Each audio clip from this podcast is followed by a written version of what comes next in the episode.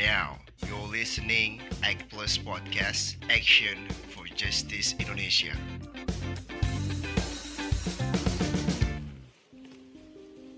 Penyelam Anda. Ada balap gaduh di jantungmu. Jangan sampai ketahuan. Dirimu yang lain berbisik pelan Suara-suara di kepala makin kencang. Kamu berjalan ke sana Masih dengan lubang yang sama. Lubang yang menyeretmu jauh dari realita, lubang yang sukses menjeda segala luka. Hari ini, kamu mengonsumsi. Itu lagi.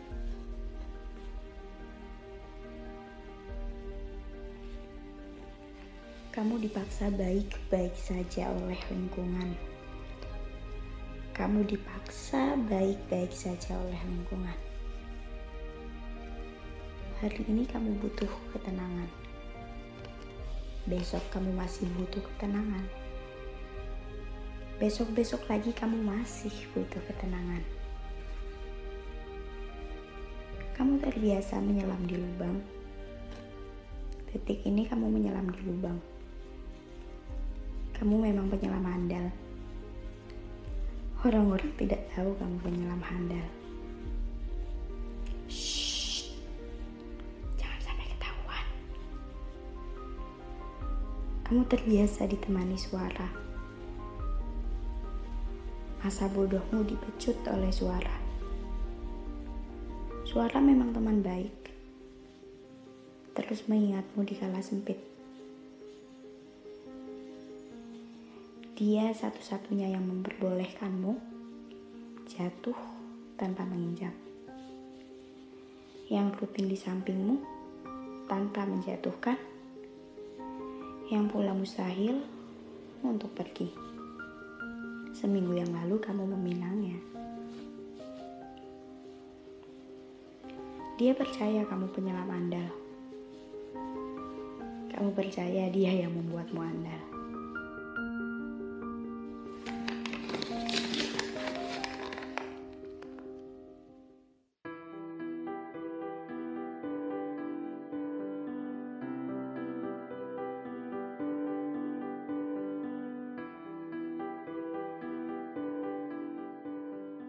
Hai, gue Dewi Hanafi. Selamat datang di podcast Act Plus, Action for Justice Indonesia.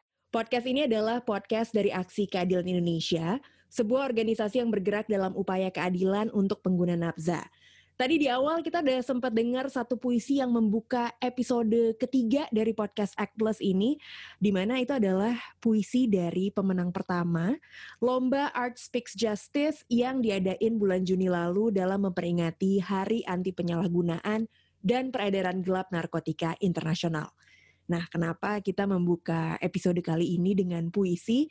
Karena untuk episode ketiga dari podcast Act Plus, kita akan membahas advokasi kebijakan narkotika lewat seni. Makanya pas banget nih episode ketiga, bintang tamunya juga ada tiga. Jadi gue akan ditemenin tiga orang sekaligus, yaitu Lydia sebagai pemenang pertama dari Lomba Art Speaks Justice, terus juga ada Kang Abob, pemenang ketiga dari Lomba Art Speaks Justice, dan Edo Walat. Kita sapa dulu mereka bertiga, Lydia, Kang Abob, Edo, halo. Halo. Halo. Halo. Hai, nah boleh Halo. bergantian masing-masing perkenalan dulu cerita tentang diri sendiri. Mungkin untuk ke Lydia sama Kang Abob boleh ceritain gimana akhirnya bisa terlibat di lomba Art Speaks Justice. Boleh dari Lydia dulu. Halo semuanya, saya Lydia dari Surabaya, pemilik akun Cuma Coretanku. Saya seorang pelajar, seniman, dan sekarang lagi sibuk buat ngerjain beberapa proyek seputar seni dan kepenulisan. Jadi waktu pertama kali ngerti ada lomba Art Speak Justice kemarin itu gara-gara ditawarin sama Kak Yosive sih awalnya. Jadi Kak Yosive ini penulis buku syair-syair sekedar mengingatkan, terbitan GPU. Nah, kebetulan tuh kita kan udah saling follow lewat Instagram. Jadi waktu bulan Juni kemarin, tiba-tiba Kak Yosive DM aku. Oke. Soalnya kan jarang banget kan DM terus lah kenapa ini gitu. Ha, ha, ha. Terus Kak Yosive itu nge-share tentang lomba itu dari akun Aksi Keadilan. Mm-mm. Langsung hari itu juga aku mulai searching kan seputar nafza dan cari tahu gimana sih hukum di negara kita soal nafza ini. Makin aku ngulik, makin ngerasa wah aku wajib ikut beneran nih karena banyak banget ketidakadilan seputar nafza ini ya kak. Jadi waktu itu aku percaya lewat seni kan kita bisa menggiring opini secara Mm-mm. halus meskipun seniku nggak ada apa-apanya ya dibanding mereka yang udah maupun sedang facing segala ketidakadilan tadi. Mm-mm. Jadi waktu itu aku berharap puisiku turut menyuarakan paling enggak sedikit dari berbagai macam kegetiran yang udah mereka alami.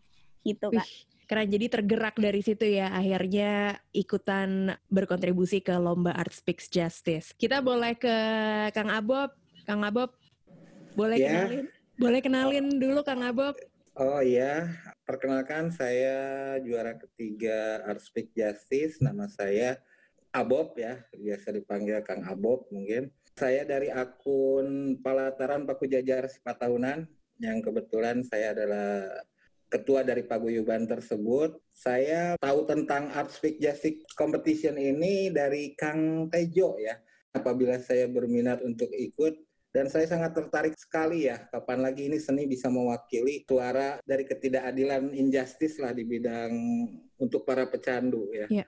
Ya, segitu saja. Oke, nanti kita akan lanjut ngobrol lebih dalam lagi nih soal karya seni yang diciptakan sama Lydia dan Kang Abob untuk lomba Art Speaks Justice ini. Tapi sekarang kita beralih dulu ke Edo Walat yang juga akan menjadi narasumber kita malam hari ini di episode ketiga podcast Act Plus. Hai Do, Halo.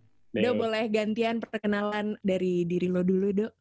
Oke, gue Edo Alat. Eh, gue itu di Aksi Keadilan bantu-bantu di bagian media dan komunikasi. Mhm. Tapi di keseharian gue juga gue berkecimpung di dunia seni sebagai musisi juga sebagai penulis gitu sih. Iya, Betul. iya, iya. Jadi sebenarnya akan nyambung nih ya dengan bahasan yang kita uh, angkat di episode ketiga podcast Act Plus kali ini karena akan bersinggungan juga dengan kesenian. Nah, sekarang kita balik lagi ke Lydia. Tadi kan udah didengerin juga puisinya sebagai pembuka episode ketiga podcast Act Plus ini. Lydia, boleh diceritain gak sih tentang puisinya sebenarnya tentang apa dan dapat idenya dari mana gitu? Terinspirasi dari mana akhirnya bisa bikin puisi yang tadi udah kita dengerin? Jadi singkatnya puisi ini bercerita tentang kisah dari seorang pejuang pengguna nafza. Mhm. Jadi si kamu di puisi tadi itu aku ambil dari perspektif si pengguna. Oke. Kebetulan kan sebelumnya kalau nggak salah sebulan atau kira-kira dua minggu yang lalu ya, sebelum tahu ada lomba dari aksi keadilan ini, Mm-mm. aku sempat nonton film Beautiful Boy. Oke. Jadi film Beautiful Boy itu film drama biografi yang disutradarai sama Felix van Groningen yang bercerita tentang kisah nyata hubungan ayah dan anaknya di mana si anaknya ini yang namanya Nick Chef dia itu seorang pecandu. Jadi ayahnya si Nick ini berusaha banget tuh buat bantu si Nick but at the first time he doesn't know what to do. Oke. Dari film ini aku belajar bahwa recovery is not as easy as we used to think. Nggak Mhm. segampang tekan tombol on terus ke off gitu ya. Iya, iya, iya. Ada masanya mereka nggak nyaman sama diri sendiri, ada masanya mereka benci sama diri sendiri. Kadang akhirnya jebur ke obat itu lagi sebagai healing bagi mereka. Makanya di kalimat pertama aku nulis ada balap gaduh di jantungmu. Ada perasaan takut, gundah, benci, dan parahnya they have to face it alone. Yang pada Mhm. akhirnya ya udah deh, aku konsumsi lagi aja. Mm. So then they go through that hole again yang makanya aku tulis lubang yang menyeretmu jauh dari realita, lubang yang menjeda segala luka. Di situ sebenarnya aku pengen ngasih kritik sih Mbak. Oke. Masih banyak orang yang ngira konsumsi begituan itu orang yang pasti nggak bener. Oh ini cuman buat gaya-gayaan Mhm. atau oh ini orang harus dijauhin dan masih banyak lagi. Gara-gara kebanyakan stigma mungkin ya Mhm. akhirnya orang-orang sampai lupa bahwa komponen terpentingnya itu kita seharusnya ngajuin pertanyaan why they consume that kenapa Oke. sih mereka konsumsi itu latar belakang mereka tuh gimana atau apa mereka punya trauma atau mental health issue yang jelas kita nggak bisa ngelihat kan Mm-mm. pertanyaan why itu menurut aku lebih memberikan solusi yang akhirnya karena kita udah tahu we give Mm-mm. them support Oke. terus di puisi itu juga kak aku motret kesepian yang mereka alami lewat keterikatan si pengguna ini dengan suara-suara dalam dirinya sendiri sampai ada kalimat seminggu yang lalu kamu meminangnya gitu Iya, iya, iya. Itu dia ya, puisi penyelam andal. Luar biasa banget loh Lydia, berarti awal inspirasinya juga justru karena menonton film Beautiful Boy tadi yang kamu ceritain ya. iya Oke, sekarang kita ke Kang Abob nih yang juga jadi pemenang ketiga dari Lomba Art Speaks Justice. Gantian nih Kang Abob, boleh cerita nggak sih tentang karyanya? Kalau karya Kang Abob nih kan sebenarnya berupa sebuah lagu gitu ya.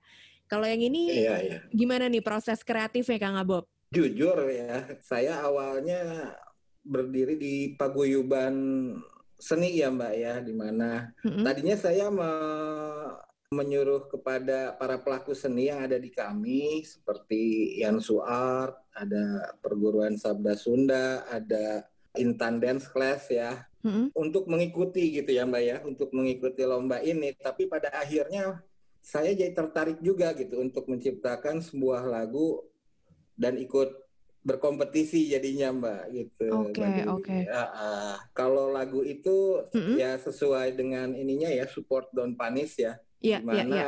ah, ah, liriknya itu lebih ke open up your eyes, your mind, itu your heart ya. Cobalah lihat dari saya ingin mencoba membawa penikmat lagu ini untuk melihat dari sisi sudut pandang si pecandu itu sendiri gitu ya. Iya. Uh, untuk melihat dan coba rasakan gitu ya dan coba Mhm. pikirkan apa yang mereka pikirkan gitu terus kemudian jangan menjudge lah ya gitu jangan menjudge Mhm. seorang pecandu karena kita nggak nggak nggak akan menutup kemungkinan ya maybe one day ya you walk in our shoe ya kamu mungkin bisa Iya. satu saat ada pada posisi kami kita nggak pernah Mhm. tahu ya berjalannya waktu ya kalaupun tidak dianya mungkin keluarganya your loved ones tuh gitu ya Iya. jadi jangan pernah menjudge menstigma gitu seorang pecandu karena pecandu itu punya kesempatan berubah gitu semua orang Hmm. punya kesempatan berubah bila dia mau Iya. ya ya lagu ini saya ciptakan untuk memotivasi gitu ya memotivasi juga gitu, para pecandu yang ada dan juga untuk mengubah sudut pandang orang awam gitu ya terhadap para pecandu ini gitu supaya mereka bisa see clearly ya pada para pecandu ini gitu bahwa mereka semua punya kesempatan yang sama gitu apabila diberikan gitu mbak Iya, iya. Jadi nggak terlalu ini ya, nggak eh, pandangannya tuh nggak terkaburkan dengan stigma-stigma yang negatif terus ya. Karena ini kayaknya kalau dari karyanya Lydia dan juga Kang Abob, benang merahnya adalah itu. Eh, Mungkin mengajak orang untuk mencoba memahami sisi dari pecandunya gitu ya, sudut pandang dari pecandunya supaya orang juga bisa mengerti bahwa mereka juga butuh dukungan, bukan hukuman ya. Iya betul Oke, ini kalau gitu sekarang eh, kita tanya nih ke Edo sebagai perwakilan juga dari Aksi Keadilan Indonesia. Eh, Dok, kenapa dan gimana akhirnya Aksi Keadilan Indonesia bisa punya inisiasi untuk bikin lomba Art Speaks Justice ini, Dok? Oke, jadi sebenarnya inisiasi bikin lomba Art Speak Justice ini sebenarnya ada kaitannya dengan uh, kondisi pandemi COVID-19 saat ini ya. Mm-mm. Ya, jadi lomba ini tuh sebenarnya dalam rangka memperingati Hari Anti Penyalahgunaan dan Perdagangan Gelap Narkotika Internasional. Mm-mm. Itu biasanya eh, untuk memperingati hari itu biasanya komunitas di dunia dengan Hmm. gerakan global eh, support dan panis itu biasanya gitu ya itu turun ke jalan dan mendatangi stakeholder kebijakan narkotika Oke. seperti, seperti kepolisian, BNN, kejaksaan. Kita minta bertemu dengan mereka eh, untuk tidaknya apa minta minta audiensi lah biasanya gitu ya. Mm-mm. Karena keadaannya pandemi dari luarnya juga eh, maksudnya dari, dari pusat di luar gitu bilang eh, kalau bisa kita jangan ada kegiatan yang turun ke jalan dan dan apa memancing keramaian Ya. gitu. Akhirnya mereka meminta sebuah activity yang dipikirkan apa ya contingency plan-nya lah gitu. Mm-mm. Um, akhirnya uh, kita come up uh, with the idea uh, untuk bikin satu uh, apa lomba seni. Kenapa seni? Karena Mm-mm. balik lagi ke si pandemi COVID ini gitu. Karena um, menurut gue dan apa dari banyak orang juga merasakan Mm-mm. gitu Ya, ya. seniman pertunjukan itu salah satu orang yang paling terdampak gitu ya dari Betul sih. pandemi ini gitu Mm-mm. mereka nggak dapet job manggung, ada yang nggak dapet job pameran segala macem gitu. Semuanya Hmm. semua seni itu terdampak gitu. Ya. Oleh karena itu kan gue dan teman-teman aksi berpikir lomba ini adalah satu ajang baik untuk seniman untuk menunjukkan karyanya Mm-mm. dengan kesempatan mendapatkan hadiah walaupun nggak banyak gitu ya. Mm-mm. Dan juga kami komunitas pemerhati kebijakan narkotika terbantu untuk isunya lebih bisa didengar masyarakat umum lewat seni yang dilombakan. Oke, jadi ibaratnya simbiosis mutualisme lah ya. Keuntungannya buat dua belah pihak, jadi seniman tetap bisa berkarya, sedangkan untuk support dan punish ini juga bisa tetap digaungkan gitu ya, Iya. melalui karya seni.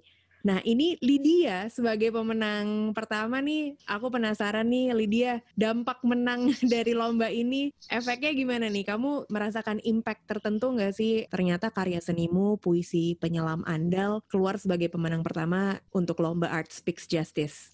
Waduh, awalnya nggak nyangka kak bisa menang.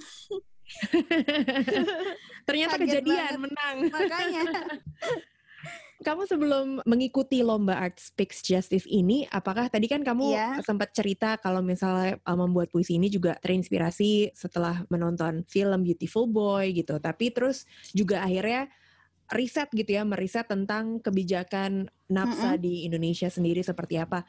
Sebelum tahu ada lomba Art Speaks Justice ini, kamu memang sudah pernah cari tahu gitu tentang kebijakan NAPSA Mm-mm. dan keadaannya di Indonesia atau justru itu terjadi memang sebagai proses untuk membuat karya puisi penyelam andal ini? eh, jujur ya kak, sebelumnya aku nggak ngerti apa-apa soal apa kasus nafza ini di Indonesia. Jadi beruntung ada lomba aksi keadilan ini, jadi nambah wawasan kak.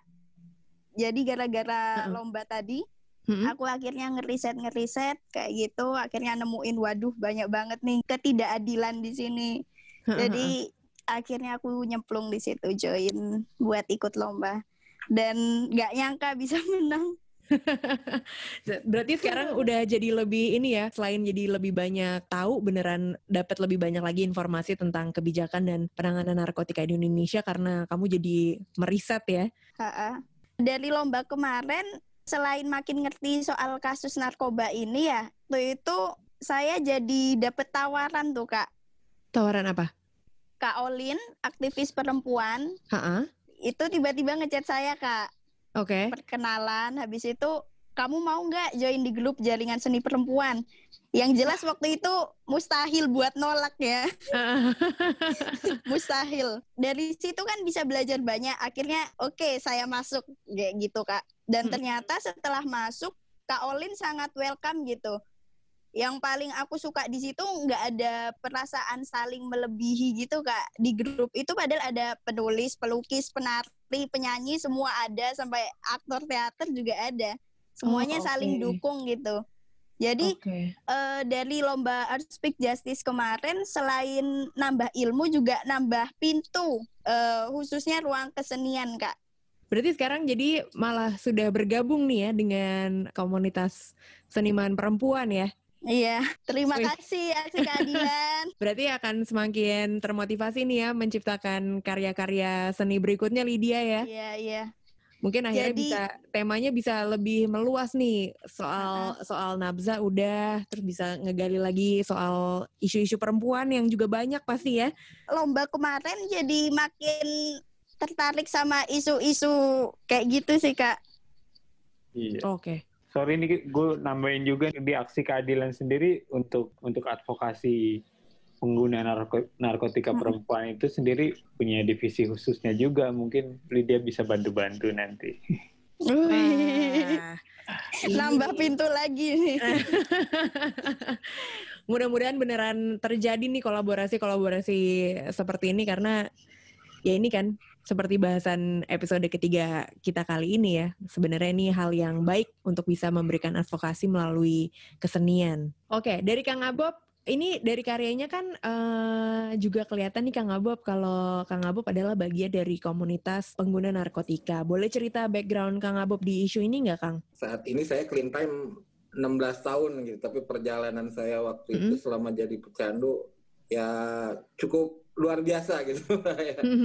saya bahkan sempat jadi DPO 1 Jawa Barat untuk drug, Wah. untuk masalah drug trafficking ini. Wah, nah, makanya oke. saya sekarang ingin ingin lebih apa ya mem- ya membalas kali ya apa yang pernah kesalahan-kesalahan saya dulu gitu ya. Mhm. Dan semenjak saya berhenti saya mulai menata kehidupan dan sekarang bergelut di bidang seni gitu. Makanya kebetulan ada Art Speak Justice ini ya saya yang bagian komunitas merasa sangat sangat senang gitu ya Mbak ya ada kesempatan untuk menunjukkan bagian kami untuk komunitas gitu dari dari Ya. dari bidang seni gitu ya Mbak. Sampai saat ini masih kami di Paguyuban menjadi tempat untuk NA meeting Mbak. Jadi kalau emang ada yang ingin sembuh pulih bisa Mm-mm. NA meeting di kami cuman semenjak pandemi sedang ini sedang off dulu biasanya Oke. tiap hari Rabu jam 7 malam tiap hari Rabu ya ya kita juga tempat berdirinya organisasi-organisasi ini ya Mbak ya apa dalam komunitas gitu Mbak ya seperti PKNI ada PEKA ada ada aksi keadilan semua berdiri di awalnya di paguyuban kami gitu ya apa untuk Oke. rapat apa gitu ya jadi ya saya sangat ya sangat support karena biar bagaimana ini adalah komunitas saya juga gitu Mbak. Ya, saya berasal dari sini dan saya ingin membuktikan bahwa kalau kita mau kita bisa gitu Mbak ya walaupun background kita adalah seorang jangki atau pecandu gitu ya. Mungkin kita mulai dari minus orang normal mulai dari start point nol tapi kita pasti bisa kalau kita mau segitu aja dari saya terima kasih Mbak Oke, Kang Abob, eh, tapi boleh eh, nanya lagi nggak sih dikit? Ini tadi luar biasa sih clean time berarti udah 16 tahun. ya Aku penasaran juga nih dari sudut pandang Kang Abob ngeliat perkembangannya sampai saat ini gitu ya, dari zaman dulu sampai akhirnya sekarang nih di tahun 2020.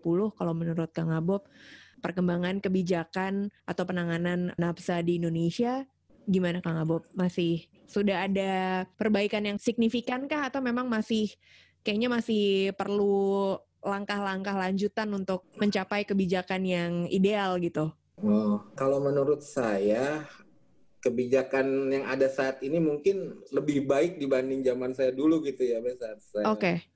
Menjadi pecandu gitu ya. Eh, sudah ada perubahannya ya undang-undang mengenai rehabilitasinya makin ini. Tapi memang kalau untuk ideal mungkin masih jauh ya, masih banyak Hmm. jalan yang ditempuh. Ini harus ditempuh terutama oleh kaum kaum yang apa para legal ya orang-orang yang mengerti hukum. Kalau saya di seni ya seperti Kang Edo ya, ada Mas Den Mas Tejo di aksi keadilan mungkin itu. Hmm. Nah, yang memperjuangkan nasib para pecandu ke depan gitu ya. Saya sangat menaruh harapan banyak pada mereka untuk me- merubah kebijakan ini untuk supaya seideal mungkin untuk para pecandu karena biar bagaimana mereka adalah eh, ini ya Mbak ya mereka punya potensi untuk berubah dan ya saya melihat pada diri saya sendiri gitu Mbak ya istilahnya Mm-mm. Mbak. saat ini saya bisa mengetuai beberapa macam organisasi dan lain-lain, Eh, saya merasa mereka juga mungkin untuk berubah asal mereka mau. Tinggal cari formulasinya aja, gitu. Kalau menurut saya begitu, Mbak. Terima kasih. Iya, iya. Mungkin formulanya memang harus beneran lebih dibanyakin supportnya ya. Bener tuh, support dong. ya kan? Untuk eh, Edo, kenapa sih Do dari aksi, ini mungkin tadi juga sudah sempat disinggung gitu ya, tapi mungkin ada latar belakang yang lebih dalam lagi gitu pada akhirnya memilih seni sebagai media untuk advokasi kebijakan narkotika di Indonesia, Do. Oke, makasih Dew. Eh, sebenarnya sudah banyak ya isu yang menggunakan seni sebagai media untuk advokasi gitu. Mm-mm. Mungkin dari korupsi atau dari kesetaraan gender itu banyak tuh yang udah pakai seni sebagai media untuk advokasi. Mm-mm. Tapi kalau buat gue sendiri yang juga menghasilkan karya seni gitu ya. Iya. Buat gue seni itu memang harus ada nilai pentingnya untuk masyarakat gitu. Jangan apa membuat seni itu yang art for the sake of art itu kayak menurut gue Hmm, nggak ada nggak ada nilai lebihnya itu nggak ada nilai sosialnya gitu menurut gue. Oke. Nah, kalau menurut gue gitu itu nantinya akan terkeren-keren aja gitu. Aduh keren-kerenan ya. Iya ya. Kalau kalau menurut gue ya seni itu memang harus mendorong apa social movement lah. Eh, melawan social injustice segala macam. Eh, makanya kalau bisa menggandeng isu narkotika ke dalam seni sepertinya akan jadi menarik. Eh, Oke. selain itu keuntungannya buat komunitas pemerhati kebijakan narkotika Mhm. adalah mendapatkan amplifikasi yang lebih karena kan selama ini kan kayak seperti echo chamber gitu. Del. Iya, iya. Jadi yang ngomong adalah pengguna, yang dengerin pengguna juga ya akhirnya isunya ada di Hmm. sekitar-sekitar itu juga gitu. Nah, tapi kalau yang ngomong itu adalah seni yang dinikmati masyarakat luas gitu, akhirnya bisa jadi lebih luas nih uh, pesan yang mau disampaikan gitu sih. Mudah-mudahan emang beneran bisa lebih banyak lagi nih ya karya-karya seni yang berhasil mengamplifikasi pesan yang ingin disampaikan gitu kan terutama untuk keadilan dan kebijakan Betul. pengguna Right. nafza gitu Iya. melawan nggak nggak nggak sekedar apa slogan-slogan say no to drugs di mana-mana gitu Betul. kan. Bahkan bukan gue ada ada satu cerita menarik yang paling kurang itu di Indonesia karya sastra. Ya. Kayak kayaknya ini kita pernah diobrolin di apa ya? Episode pertama ya. Iya episode Yang pertama. eh. kalau film kan Club. banyak, Betul. kalau film banyak, musik banyak gitu. Kalau sastra itu sangat jarang yang ng- ngomongin tentang narkotika gitu. Hmm. Dan dan itu kalau dari gue sebagai seniman menormalisasi apa ya eh, zat-zat di di karya sastra itu menurut gue penting sih karena kadang-kadang Hmm, hmm, hmm. Eh, kadang-kadang orang tuh banyak yang salah eh, pengertiannya, salah persepsinya seperti yang kata Lydia Lydia bilang tadi gitu kan. Bahkan ada beberapa ada beberapa novel yang ada satu novel yang pernah kita bahas juga waktu itu di di episode pertama gitu. Itu akhirnya jadi menggiring publik ke sesuatu yang salah gitu. Balik lagi ke stigma pada umumnya aja gitu ya. Iya betul. Oke, ini mungkin jadi penasaran juga kira-kira seperti apa lagi karya-karya seni yang bisa mengamplifikasi tentang support don't punish gitu kan. Kita sudah ngobrol bersama Lydia, Kang Abob dan juga Edo. Terima kasih yang udah mendengarkan. Sampai jumpa di episode berikutnya. Tapi untuk menutup podcast kita kali ini, kita akan dengarkan ini dia karya yang tadi juga sudah diobrolin tapi belum sempat didengarkan. Ini dia sebuah lagu dari Kang Abob Support Don't Punish. This one for support.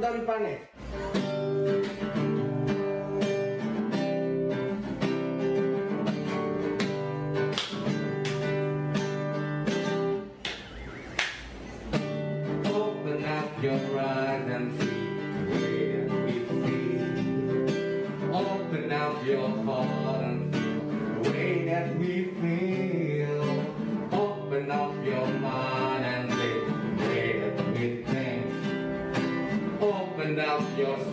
可以吗？